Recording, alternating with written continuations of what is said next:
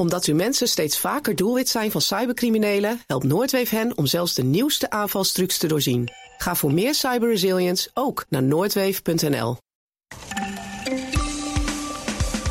De grote adviesbedrijven, de Big Four, staan klaar om de advocatenmarkt te bestormen. De massale betaalachterstanden van ondernemers gaan zorgen voor een incassogolf. Daarvoor vrezen de beroepsgroep voor gerechtsdeurwaarders en de Vereniging voor Schuldhulpverlening. En op deze dag dat in ons land het eerste coronavaccin is ingespoten, zien we dat het virus werkelijk overal invloed op heeft. Zelfs op de kleding die in onze kast hangt. Dit is Nieuwsroom, de dagelijkse podcast van het Financiële Dagblad en BNR Nieuwsradio. Met het nieuws verteld door de journalisten zelf. Ik ben Mark Beekhuis en het is vandaag woensdag 6 januari.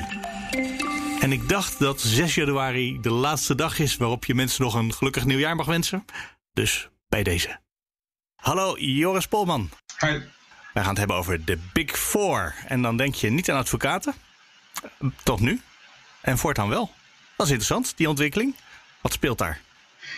Uh, nou ja, het is, uh, dat is inderdaad interessant. Uh, wat de achtergrond van dit verhaal is dat um, zij geven aan, na, nadat wij een aantal telefoontjes hebben gepleegd, ik samen met mijn collega Martijn Pols, dat zij graag de advocatenmarkt willen betreden. En wat daar, wat daar aan de grondslag ligt, is eigenlijk een ehm, ja, een, een, discussie die woedt in de advocatuur over het openbreken van de markt. Uh, en dat is een discussie die niet uh, vanzelf op gang is gekomen. Daar is uh, veel druk op de advocatuur. Um, vanuit de politiek, vanuit de mededingingsautoriteit. En die zeggen eigenlijk, ja, jullie hebben prachtige gedragsregels ontworpen die allerlei uh, principiële redenen hebben. Hè. Dus uh, de advocaat moet onafhankelijk zijn. De advocaat moet uitsluitend het belang van zijn cliënten dienen en niet het belang van het kantoor waarvoor hij werkt. En daar hebben ze allerlei gedragsregels uh, voor ontworpen. Maar die gedragsregels zijn inmiddels eigenlijk ook verworden tot een soort barrière die de markt op slot houdt. Die eigenlijk concurrentie van nieuwe partijen onmogelijk maakt. En dat was nooit de bedoeling. Um, uh, maar dat is wel een, een, een zij-effect. En dat vinden die advocatenkantoren natuurlijk helemaal niet erg. Die vinden dat wel best. Maar nu zegt de politiek en, uh, de mededingingsautoriteit... Zegt, nou, dat is niet meer van deze tijd. Er zijn allerlei goede redenen te bedenken waarom die markt opengebroken moet worden. Uh, nou, daar, daar is nu sprake van een experiment waarbij de advocatenorde eigenlijk mondjesmaat en onder strikte voorwaarden nieuwe spelers toelaat. Uh, en die uh, Big Four kantoren die kijken eigenlijk hier over de schouder mee. Want die zeggen, wij willen ook al een gaantje meepikken. Want tot nu toe, door die regels, is het niet mogelijk om als advocaat aan de slag te gaan bij zo'n eh, consultancybedrijf. De EY's en de Deloitte's en de KPMG en wat heb je nog? Er moet er een vier zijn. Wat hadden Deloitte, EY, KPMG oh, en PwC? PwC moeten we dan zeggen, ja. Nee, daar mag je dus als advocaat eigenlijk niet, uh, niet als advocaat aan de slag. Nee, dat klopt. Uh, dat heeft uh, te maken met een aantal van die regels. Een van die regels zegt eigenlijk dat je in het bestuur van zo'n kantoor... dat daar een minimum aantal aan advocaten moet zitten... zodat het bestuur ook tuchtrechtelijk aangesproken kan worden... mocht het kantoor zeg maar, stappen zetten die nou gedragsregels schenden... Um, dat is zo'n regel. Uh, maar aan de andere kant is het ook zo dat vanuit uh, dat binnen die, die Big Four kantoren ook accountants werken. Dat is ook een zeer streng gereguleerde beroepsgroep. En die combinatie advocaat en accountant, uh, dat is ook uh, een gevoelige. Maar heb je dan zowel een meerderheid aan advocaten als een meerderheid anders als, uh, van accountants nodig in het bestuur of zo? Wat natuurlijk niet allebei kan. Nou, dus met die, de, bij die accountants is, is dat geen regel. Bij de advocaten wel, maar dat heeft er al meer mee te maken. Dat het zit er meer in allerlei privileges die die beroepsgroep hebben. Het wordt wel heel technisch. Maar neem maar van mij aan dat, dat, dat vanuit die regels, die, waar dus ook tuchtrechtelijk uh, wordt getoetst. Dat daar dus uh, nou, problemen zitten, obstakels zitten om die samenwerking uh, mogelijk te maken.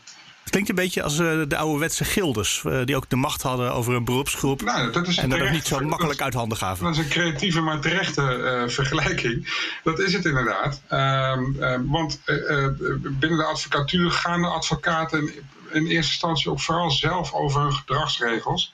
En zij houden het ook zelf in de gaten. Dus de advocatenorde, die dus bestaat uit advocaten, waar de advocaten zijn geregistreerd, dat is ook meteen de toezichthouder.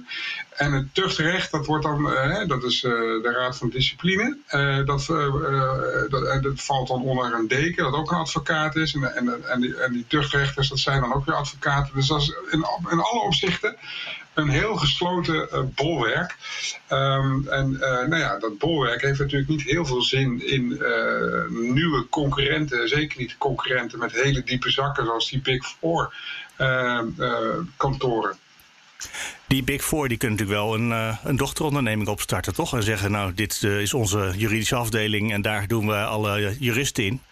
En uh, de consultancy die houden we dan bij de holding of een, in een andere tak. Dat is, goed, goed dat je het woord jurist gebruikt. Want uh, ze hebben wel mensen in dienst die uh, een rechtenstudie hebben gedaan. Maar die moeten zich inderdaad jurist noemen en geen advocaat. Wat is nou het verschil? Als je advocaat bent, dan ben je ook ingeschreven in het register. Um, en dan, dan, dan mag je je dus advocaat noemen en dan heb je allerlei privileges die je als jurist niet hebt. Wat zijn die privileges dan? Je mag ten eerste mag je procederen bij de rechter. En ten tweede heb je uh, de geheimhoudingsregels. Uh, je mag dus, je, je, hebt een geheimhoudingsplicht, maar je hebt ook een verschoningsrecht. dus als jij communiceert met je cliënt, dan is dat voor andere partijen, waaronder de overheid, is dat informatie die geheim is. En die je dus niet hoeft vrij te geven. Ja, precies. ook je mag niet worden afgeluisterd, hè, dat soort zaken. Nee, en, en, en juristen, uh, die ze hebben dus wel die rechteropleiding gedaan, maar die, die, zijn dus geen advocaat, die hebben die privileges niet. Uh, uh, maar kan, kan zo'n groot bedrijf niet een, soort uh, dochteronderneming oprichten en zeggen: daar stoppen wij niet alleen onze jurist in, maar wij maken ze ook nog advocaat? Ja, hoe ze dat nu doen, ehm, en in het artikel komt daar wel een, wel een voorbeeld van voorbij, is dat ze samenwerken met al bestaande advocatenkantoren. Daar hebben ze hele, hele korte lijnen mee. Uh, nou en, daar werken ze dan mee samen. Maar je, de, wat, wat hier speelt, dat zeggen althans de Big Four kantoren, is eigenlijk vooral ook een vraag vanuit de klant. De klant die zegt, ik kom bij jou, noem maar wat, voor een fiscaal advies of voor een advies bij een overname. Um, nou, en dan, dan kan die Big Four, eh, die kunnen eigenlijk alles doen, behalve als er problemen ontstaan, bijvoorbeeld een, een geschil dan moet er opeens toch weer een advocaat worden ingehuurd. Die moet dan helemaal worden bijgepraat, moet het hele dossier moet worden uh, doorgeakkerd. Dat levert waarschijnlijk toch ook extra kosten op. Dus die, die cliënt die zegt eigenlijk tegen die Big Four van ja luister, nou, nou, doen jullie voor mij bijvoorbeeld die overname. Waarom kan ik niet ook meteen nu dit, deze kwestie voorleggen aan de rechter met iemand van jullie? Want jullie weten als geen ander hoe het zit. Ja. Dat is eigenlijk de vraag die zij, waar die Big Four kantoren mee te maken krijgen. Uh, en dat is waar zij op in willen spelen. Dat kan niet, uh, maar dat gaat nu dus langzaam veranderen. Zit er voor de advocaten ook nog iets positiefs in? Of zijn zij alleen maar de verliezende partij in deze verandering?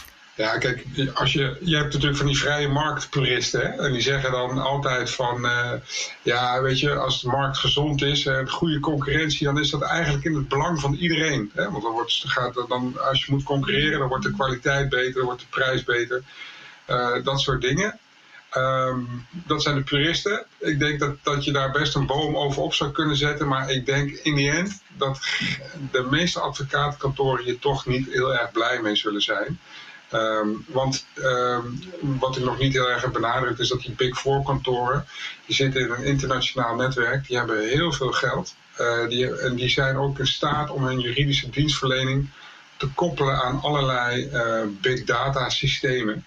Eh, die, ze in, uh, die ze internationaal, dus vanuit, vanuit een global network, zoals ze dat dan zo mooi in jargon noemen, die ja. ontwikkelen ze dan samen en die kunnen ze dan overal toepassen. En dat kan een Nederlands advocatenkantoor, die, uh, ik noem maar wat, een, een, een Nauta of een De Brouw, of, en dat zijn, dat zijn prominente kantoren, die hebben ook best wel wat te besteden, maar die kunnen uiteindelijk toch niet op dat niveau met zoveel geld, zoveel investeringskracht kunnen die niet concurreren. En, en daar zit toch een, een, een, op de langere termijn toch wel een, een, bedreiging voor de traditionele advocatuur.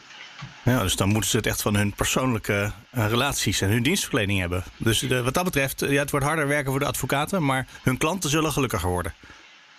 Ja, nou ja, die hebben meer te kiezen. Die hebben straks wat te kiezen. Hè? Dus die kunnen, die, kunnen, ja, die kunnen toch zeggen van nou, we, we kunnen straks bij Deloitte, noem maar weer dat kantoor, kunnen wij, uh, kunnen wij uh, in één keer alles de one-stop shop benadering kiezen. Waar, dan weten we zeker dat we niet, ja, dat, dat, we gewoon onder één dak alles kunnen doen wat we willen. En ja, dat is toch denk ik voor veel van die klanten aantrekkelijk. Zo is het gewoon. En dan heb je ook nog eens een keer dat met die reputatie van die kantoren is over het algemeen natuurlijk ook helemaal niks mis. Dus uh, uh, ja. Daar hebben wij wel eens andere gesprekken over gevoerd, Jos. Dat is, dat is ook weer waar. Ik hoor mezelf zeggen, ik denk ik maak nu een, een lichte uitglijden. nee, maar goed, zeg maar als het toch gaat om, om nou, hun reputatie, uh, dan, dan, dan, weet, dan weet je wel dat je daar toch over het algemeen uh, in goede handen bent. Die uitglijders, ja. waar we het hier vaker over hebben gehad, daar gelaten. Um, want die, die, die hebben gewoon advocaatkantoren natuurlijk ook. Uh, niemand is. Niemand is vrij van fouten. Zelfs wij niet, Mark, vrees ik. Nee, nee zeker niet. Maar goed, dus dat is een ontwikkeling. En, ja, en dat brengt wel wat met zich mee. Dus dat is heel spannend. En um, uh, we gaan zien uh, de komende jaren hoe, hoe dat gaat. Ik denk dat het een interessante wapenwedloop wordt in die wereld. En je zei helemaal aan het begin, dit is een experiment. Maar als eenmaal die grote consultancies, als die advocaten in dienst hebben genomen dat gaat niet meer teruggedraaid worden. Hè? Dat is niet, het is niet een experiment in de zin dat het op een moment klaar is. Het is een terechte vraag, want het is nog niet zover dat het kan. Uh, daar zullen nog, toch nog wat stappen gezet moeten worden. Alleen de geest is een beetje uit de fles, om maar eens een cliché te, te gebruiken. Um, er is ook bijvoorbeeld uh, minister Dekker van Rechtsbescherming, die, uh, die, is begonnen met een onderzoek naar de, naar de marktwerking in de advocatuur. Naar de mededingingsautoriteit bemoeit zich ermee. Ja, dan weet je het wel. Hè. Dan is er toch uh, eigenlijk maar één, één kant waar, waar, je naartoe kunt bewegen. En dat is toch de kant die vraagt dat jij meer gaat doen om concurrentie mogelijk te maken op jouw markt. En ehm, ja, dat is dus een, daar zit dus een onvermijdelijkheid in. En um, de vraag is niet of het gebeurt, de vraag is alleen hoe snel gaat het gebeuren. Um, en, en, dat gaan we de komende maanden slash jaren gaan we dat zien onder gebeuren. Joost Polman, dankjewel. Graag gedaan. Hallo, Wesley Weerts van BNN Nieuwsradio. Hallo Mark. We gaan het hebben over incasso's. En dan uh, incasso's in de zin waar uh, deurwaarders uiteindelijk aan te pas komen. Um, daarvan dreigt er een enorme golf over ons land te gaan spoelen binnenkort. Wie zegt dat? Zeker, zeer binnenkort. Uh, daarvoor waarschuwen de Koninklijke Beroepsorganisatie voor uh, Gerechtsdeurwaarders en de Vereniging voor Schuldhulpverlening. Uh, en ja, die zijn er zo goed als zeker van dat die golf er binnen nu en een paar maanden echt aan zit te komen. En die gerechtsdeurwaarders, dat is hun werk, hè? Dus die zullen niet klagen dat ze druk gaan krijgen. hoewel, zeggen ze het zo? Nou ja, eh, zo zeggen ze het niet. Het is inderdaad zo dat de afgelopen paar maanden zag je juist dat er uh, minder mensen uh, nou ja, bij die gerechtsdeurwaarders terechtkwamen. Of dat die gerechtsdeurwaarders minder vaak naar mensen toe hoefden te komen of in hoeven te grijpen. Nou, dat had vooral te maken dat heel veel van die betalingen onhold staan. Hè. Die zitten in de wachtbak. die worden nu niet uitgestuurd. maar dat is ook precies het probleem. want doordat die betalingen zijn uitgesteld, er zijn allerlei coulants regelingen. De banken kwamen met betaalpauzes. De Belastingdienst kwam met uitstelregelingen. De woningcorporaties uh, hadden allerlei regelingen. En zo zijn er nog heel veel meer. Uh, nou ja, daardoor was er de afgelopen tijd uh, werd er een stuk minder geïncasseerd. alleen het probleem is dat daardoor die schuldenberg alleen maar is op, groter is geworden. die schulden zijn ook groter geworden. maar die moeten ooit betaald worden. En dat kun je niet in eeuwigheid vooruitschuiven. Dus dat betekent dat er nou, binnen zeer korte termijn een moment komt waarop al die ondernemers dat moeten gaan betalen. En dat wordt problematisch, want de verwachting is dat veel van die ondernemers dat niet kunnen en de komende tijd in ernstige betalingsproblemen terechtkomen. Dat is een probleem wat je kan voorzien. Dat je, als je al die tijd de schulden laat oplopen, en dat is uh, met de beste bedoeling uiteindelijk, uh, dat er ook een moment komt dat mensen weer moeten gaan betalen. Ja, dat, eh, ja, dat, is, dat, is, dat is zeker waar. Want wat jij zegt, die, die, die, uh, die die betaalpauzes, die zijn ongetwijfeld met de beste intenties opgezet. Alleen de vraag is achteraf of dat wel slim is geweest. En vooraf waren er ook echt wel partijen die daarvoor waarschuwden. Want die gerechtsdeurwaarders en die Vereniging van Schuldhulpverlening, die zeiden toen al uh, van ja uiteindelijk schuiven de problemen alleen vooruit en worden ze groter. Uh, en zij verwachten nu, uh, dit voorjaar, uh, echt de problemen ook. zeker op het moment dat straks die steunmaatregelen worden afgebouwd. Hè, want veel bedrijven, ondernemers worden nu juist geholpen, ook nog met die steunmaatregelen. Nou, die coulantieregelingen waar we het net over hadden. Maar ja, zodra dat stopt, vallen ze in een zwart gat, moeten ze terugbetalen en kunnen ze dat niet. Dus dat is wel waar ze van tevoren al voor hadden gewaarschuwd. Maar dat moment waarop die problemen komen, dat moment dat komt nu heel dichtbij gegeven het feit dat we wel in die situatie zitten, we kunnen nu niet meer uh, een jaar geleden het anders gedaan hebben, zit helaas niet in. Kunnen we wel slim hiermee omgaan als land? Dat, uh, nou ja, dat die steunmaatregelen langer doorlopen dan de betaalpauzes of dat, uh, zoiets, dat soort oplossingen? Ja, dat, dat, ja daar zou je inderdaad aan kunnen denken. Wat, wat denk ik het, het belangrijkste is, is dat je als ondernemer ook zelf kijkt uh, naar hoe groot de problemen nou voor, uh, voor, voor jezelf zijn. Wat, wat ik, ik sprak uh, die, die, die club van schuldhulpverlening en die zegt van ja, dus, er is ook een drempel voor veel ondernemers om bijvoorbeeld naar die schuldhulpverlening toe te stappen. nou, dat, dat, dat, die drempels is er altijd wel, maar die is nu nog wat groter, omdat je ook niet zomaar fysiek contact kunt hebben vanwege corona. en er zijn natuurlijk heel veel ondernemers ondernemers die, uh, ja, die, die ook niet helemaal een goed zicht hebben op hun financiële situatie. Want hoe slecht staan ze er nou echt voor? Uh, dus het is vooral ook zaak voor de ondernemers zelf dat ze kijken uh, hoe groot zijn de problemen. Is er ruimte om misschien hier en daar al wat af te betalen om juist te voorkomen dat die berg die schuldenberg alleen nog groter wordt. Dus ik denk dat voornamelijk ook de verantwoordelijkheid nu bij die ondernemers zelf zitten. Uh, en, en, en, niet klakkeloos uh, die schulden nog verder op laten lopen. En denken van ja, dat komt later wel. Want dat moment later, dat is voor veel ondernemers eerder, denk ik, dan ze hadden gedacht, hadden gehoopt en waar ze rekening mee hadden gehouden. Ja, en je zegt het is de verantwoordelijkheid van die ondernemers. Dat snap ik wel. Maar daarvan, daar, helemaal aan het begin, zei je, die moeten gaan betalen en die kunnen niet gaan betalen. Dus dat, ja. uh, daar zit misschien wel de oplossing, maar toch vooral ook het probleem. Daar zit zeker ook vooral het uh, probleem. Wat, wat wel nog een, een klein, uh, nou, nou, kunnen we het positief puntje noemen. Wat, wat, wat wel Voor mij mag het. Eh, nou, dan noemen we dat een, klein positief puntje.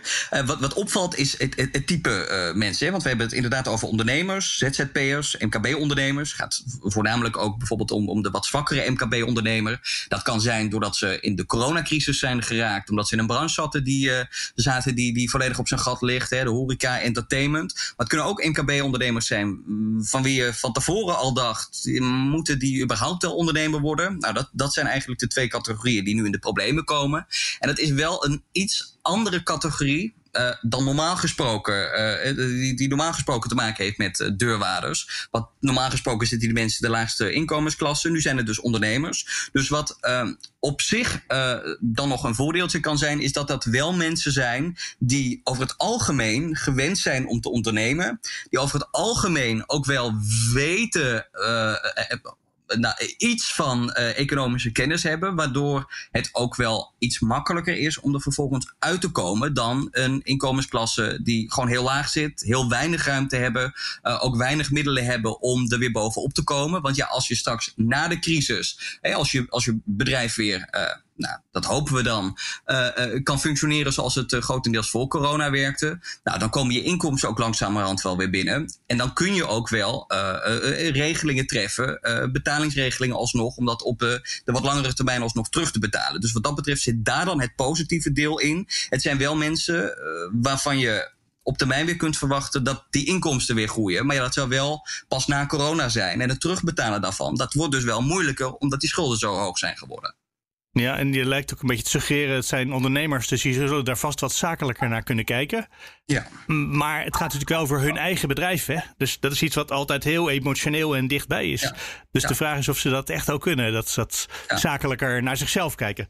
Dat is zeker zo. Daar heb je, dat, is een terecht punt. Ja, dat, dat is natuurlijk, eh, dat, daar valt niet over het algemeen nu al iets over, over te zeggen, omdat we niet weten uh, hoe groot de problemen exact zijn. Dat er heel veel en waarschijnlijk 10.000 ondernemers in de problemen komen, dat is volgens de, de, de, de, de, de, de Club van Schuldhulpverlening wel duidelijk. Alleen ja, hoe groot die problemen op de lange termijn zijn en hoe goed ze in staat zijn om dat op te lossen, ja, dat is nu van tevoren lastig in te schatten. Maar ik suggereer inderdaad wel dat dit waarschijnlijk wel een groep is uh, en dat, dat, dat zegt ook die club van schuldhulpverlening. Uh, uh, en ook de gerechtsdeurwaarders die er waarschijnlijk ietsjes beter mee om kunnen gaan dan de groep die normaal gesproken aan moet kloppen bij schuldhulpverlening. en in aanraking komt met gerechtsdeurwaarders. ondernemers zitten natuurlijk ook altijd in ketens. Hè? Dus als één bedrijf ergens anders iets uh, bestelt en dan de levering pas later betaalt, dat heeft allemaal domino-effecten. Is dat hier iets waar uh, ja, wat ook gaat spelen, denk je? Nou, daar, maken de gerechtsdeurwaarders zich in ieder geval wel zorgen om. En ze verwijzen daarbij ook naar de vorige crisis.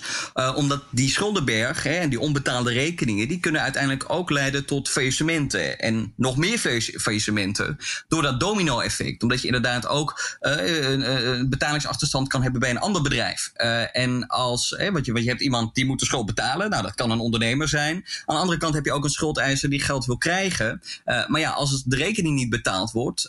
dan kan het uiteindelijk ook leiden tot nog meer faillissementen. Kijk je naar de vorige crisis, daar is ook onderzoek naar gedaan. Dan zag je eigenlijk dat uh, een groot deel van de faillissementen die tijdens de vorige crisis veroorzaakt werd, dat dat te wijten was aan wanbetalingen. Gewoon aan rekeningen die niet betaald werden. En dat is inderdaad wel een potentieel risico waar die gerechtsdeurwaarders zich zorgen om maken. Dat dat uiteindelijk ook een domino-effect heeft. En andere bedrijven raakt die misschien nu wel gewoon netjes aan hun betalingsverplichtingen voldoen. Maar ja, te maken hebben met klanten die dat dus niet kunnen of willen doen. Ja, waarschijnlijk niet kunnen. Uh, ja, inderdaad. Nou ja, in veel aantal gevallen wel. Dus er zullen ook vast ondernemers zijn die ja, altijd. alles naar zich toe trekken en nu gebruik willen maken van alle maatregelen die er zijn. En denken, nou, ik kan nu achteroverleunen. Maar ja, die hebben zichzelf natuurlijk op een later moment. Die snijden zich op een later moment in de vingers. Uh, ja, dat gaan we zelf meemaken. Dit ja. is een waarschuwing van onder andere de gerechtsdeurwaarders. Meestal waarschuwen dat soort organisaties ook als onderdeel van een lobby. Wat willen zij? Uh, van wie? Ja, kijk, die gerechtsdeurwaarders die zagen de afgelopen paar maanden natuurlijk uh, hun inkomsten wat uh, terugzakken. Zij zagen dat er minder bedrijven naar hen toestappen. Dus ik kan me voorstellen dat die gerechtsdeurwaarders ook wel weer aan het werk willen. en achter de mensen aan willen gaan die inderdaad hun betalingen verzuimen, hun betalingen niet voldoen. Dus wat dat betreft kan ik me ook voorstellen dat er in die sector ook wel wat geld wordt misgelopen nu de afgelopen paar maanden. En dat ze weer aan het werk willen. dus dat zou inderdaad wel een gedachte en ook eh, de, de, de, het, het doel kunnen zijn van die uh, gerechtsdeurwaarders. Uh, neemt niet weg dat ook uh, die gerechtsdeurwaarders echt wel bewust zijn van hun rol. Uh, want als zij te maken hebben met ondernemers waar geen geld te halen valt, ja, dan is het voor een gerechtsdeurwaarder ook heel moeilijk om dat geld te halen. En ja, dan hebben zij ook niet zo heel veel middelen. Dus dan zullen zij ook al snel zeggen: ja, hier is niks te halen. We kunnen niks. Sorry, bedrijf. Je had inderdaad geld te goed, maar dat kunnen we je niet geven. Schrijf het maar af. Wesley Weers, dankjewel. Alsjeblieft. Ik, ik had net, omdat jij even problemen had met je computer, had ik even tijd om even wat te zoeken op, uh, op internet. Ah, ja. Ik, dacht, ik, ik, ga op zoek naar een rubriekje van Jeroen van Enkel. Ik, ik heb de begintune daarvan gevonden. Oh. Ik ga je dat gewoon maar even laten horen. Oké. Okay. Schat, hallo, hoe staat het ermee? Ben je eindelijk klaar? De dag begint, je bent al te laat. Haal die föhn uit je haar. Elke keer vraag je het weer. Wat moet ik aan vandaag? Je jurk te krap, je bent iets te dik. Hou op, maar op zes niet Wat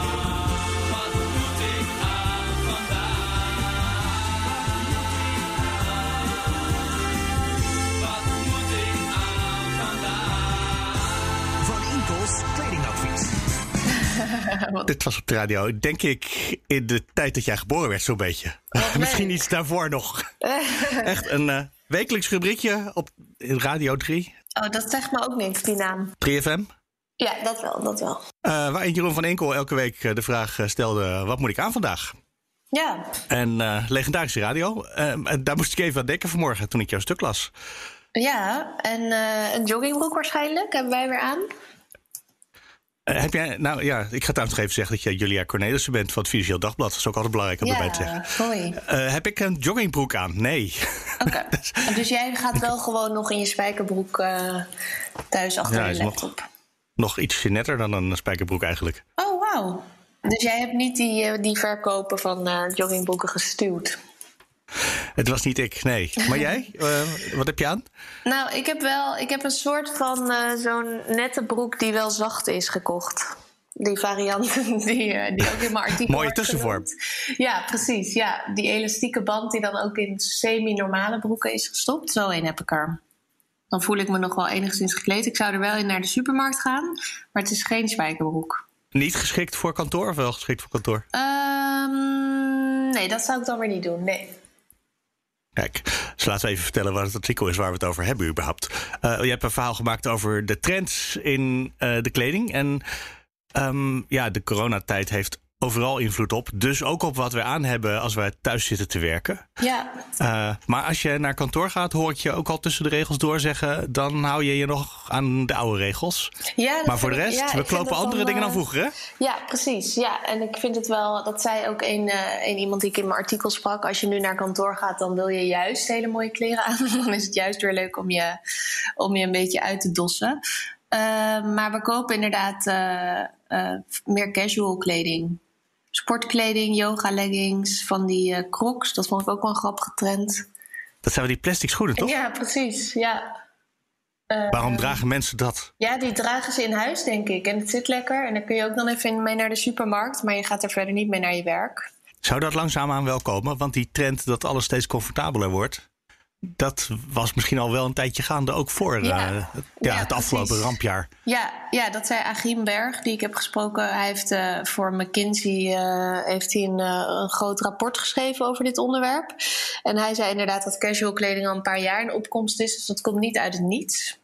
Maar we hadden nu wel een reden natuurlijk om dat heel vaak te dragen. Dus het, heeft gewoon, het is in stroomversnelling gegaan. Iedereen heeft het ineens vol voorradig in zijn eigen kledingkast. Ja, precies. Uh, de vraag bij al dit soort corona-items die iets zeggen over hoe de wereld is veranderd uh, tijdens de crisis, die is natuurlijk altijd: blijft het zo? Ja, Want precies. de trend zat er al aan te komen. Hoe maar het kan ook zijn dat we straks weer allemaal terug gaan naar kantoor. Ja, nou ja, we gaan waarschijnlijk wel meer thuis werken. Tenminste, dat verwachten veel mensen. Dus dan zouden we wel ook meer casual kleding blijven dragen als we thuis zijn. Um, online winkelen is ook een van de belangrijkste trends die heel erg is versneld. Dat blijft ook sowieso, want mensen hebben nu gewoon ontdekt hoe makkelijk dat is. Ja, waren er nog mensen die dat niet door hadden dan? Ja, er was nog best wel een groep die dat, uh, die dat nog niet deed. Volgens mij een wat hogere leeftijdsgroep. En die hebben dat nu ook ontdekt, want het moest natuurlijk wel. Of die vonden het juist niet prettig om naar de winkelstraat te gaan. En uh, de verwachting is wel dat die dat nu blijven doen. Ja, hoewel met kleding ben ik er niet van overtuigd geraakt dat het een goed idee is. Want alles wat ik online gekocht heb, heb ik ook weer bijna allemaal teruggestuurd. Oh, dat is vervelend. Ja, nou nee hoor, was prima, want dat mocht. Ja, omdat het dan net niet de maat was die ik uh, dacht dat het was. Oh ja. Uh, maar voor de rest, bijna alle andere dingen die uh, zijn niet zo, ja, die zijn niet zo kritisch wat dat betreft. Ja. Dan denk je, oh, het werkt. Ja, precies. Maar terug naar de kleding? Um, nou ja, en er waren, wat, uh, er waren wat specifieke trends, zoals mondkapjes hebben, hebben de, de website Etsy heel erg uh, in waarde doen stijgen. Dat is natuurlijk Etsy, dat was toch altijd zo'n soort uh, hobbyachtige of handgemaakte ja, productenwinkel? Precies, ja, waar mensen zelfgemaakte producten verkopen vooral. En nou, dat ging een hele tijd niet goed. Het bedrijf was geloof ik naar de beurs gegaan, maar ging toen helemaal niet goed. En toen is het dit jaar is dat enorm gestegen door de verkoop van, uh, van handgemaakte mondkapjes. Oké, okay. vallen die eigenlijk? Ja, die vallen natuurlijk ook onder de kleding, hè? Mondkapjes. Ja. Dat wil zeggen, sommige. Die ja. papieren misschien niet. Ja, nee, inderdaad. De, er staan allemaal van die leuke katoenen, zelfgemaakte stoffen mondkapjes op. Ja, dat de webwinkels gewonnen hebben in het afgelopen jaar, dat zal bij de kleding vast niet anders zijn dan in de rest van uh, de economie. Ja, precies. En wat je zag was dat hele grote webwinkels... die hadden hun infrastructuur gewoon al zo goed op orde... dat die heel erg konden profiteren. En kledingwinkels die dit nog niet allemaal helemaal uh, goed op orde hadden... die hebben wel kostbare tijd verloren. Dus stel je had nog niet een goed uh, retourbeleid... waar jij net even naar verwees... En je moest dat in het voorjaar nog snel allemaal optuigen... dan heb je wel een aantal belangrijke maanden verloren. Ja, dat is logisch eigenlijk ook ja. natuurlijk. Als je gewoon uh, iedereen stapt over naar die nieuwe manier van winkelen. Die, nou ja, zo nieuw is het ook weer niet. Ja. Maakt er al twintig jaar radio over. Ja. dat soort dingen. Uh, dus zo lang is het al minstens gaande. Uh, maar goed, mensen die dat nog steeds, bedrijven die dat nog steeds niet helemaal door hadden, dat dat iets met de toekomst te maken had. Ja, ja misschien is dat ook niet zo erg dat die het niet gered hebben. Uh, nou, dit ga ik eruit knippen. veel, te, veel te hard, wat ik nu zeg. Ik uh, hield ook even mijn mond. ik weet, ja, ik weet niet of ik het helemaal meent uh, achteraf. Even goed. Nou, fijn dat we kunnen knippen. Ja, dat is het voordeel. Ja, en anders hadden we heel hartelijk gelachen. Dat kan ook nog. Het kan zijn dat het erin blijft. Dat ik denk, we hebben nu gelachen. Ik laat het er toch maar in zitten. Even kijken. Maar terug naar, uh, terug naar de kleding. Wat je, wat je zei al, iets interessants. Je zei uh, op de dagen dat we naar kantoor gaan dan doen we nu misschien wel extra ons best om er weer eh, goed uit te zien. Terwijl op de dagen dat we thuis werken, ja, dan is die joggingbroek en die plastic schoenen, dat werkt ook wel. Ja. Ja, dat is eigenlijk iets wat natuurlijk altijd al zo was, waarschijnlijk. Alleen zagen we het nooit zo, omdat de meeste mensen niet thuis werkten. Ja, precies. Ja, we waren allemaal gewend om iedere dag naar ons werk te gaan en dan normale kleding aan te doen. Een soort van normaal eh, kantoorkloffie. En ehm, nu zijn we ons anders gaan kleden nu we thuis werken. En eh, als dat een blijvende trend is, dan horen daar ook andere kleding bij, blijkbaar. Ja, en nou, nou, ik vraag me ook een beetje af of het waar is. Maar ja, je hebt deskundigen gesproken, dus eh, laat ik ze niet al te veel ter discussie stellen. Maar ik kan me ook voorstellen, in de afgelopen jaren zijn stropdassen afgegaan in bijna alle bedrijven. Volgens mij tegenwoordig tot en met advocatenkantoren en de consultants aan toe. Ja, Dus ook op kantoor is de nette kleding ook al iets eh, sh- ja, gewoner geworden. ja. Dus wie weet gaan we daar toch gewoon straks allemaal in, eh, in legging. Nou nee, dat kan ik me niet voorstellen. in Ja, joggingbroek die daartoe. Achim Berg die ik sprak, die verwacht een nieuwe Roaring Twenties. Dus die zegt, eh, we willen gewoon weer helemaal losgaan. Ons heel mooi aankleden. Over de top. Over de top, helemaal netjes. Maar dat dan misschien toch meer vanaf middags, middags een uur of vijf of zo. Dat Als we dan eh, gaan ook, ja. cocktails ergens gaan drinken Ja, daarna. Leuke kleding niet voor ons werk bewaren. Dat kan natuurlijk ook. Even kijken hoor. Je had nu, zei je, een, iets in waarmee je wel naar buiten gaat. Dus waarschijnlijk zit je gewoon vandaag eh, toch vooral binnen te werken ook. Gewoon Ja. thuis te werken. Ja, nou, soms draag ik ook, eh, als ik nog even tussendoor ga sporten, draag ik een eh, sportlegging. Die zijn ook heel populair. Lululemon is zo'n yoga-legging merk dat heel erg heeft geprofiteerd. Dus misschien doe ik die vanmiddag nog even aan. Als ik goede moed heb. Ja, Ja, precies. Want je moest nog wel naar buiten vanmiddag om je computer eh, te laten repareren. ja precies. Ja. Goed. Julia Cornelissen, dankjewel. Dankjewel. En dan komen we aan het einde voor vandaag. Wil je reageren? Mail dan naar nieuwsroom.bnr.nl of nieuwsroom.fd.nl. Morgen zijn we er weer, dus graag tot dan.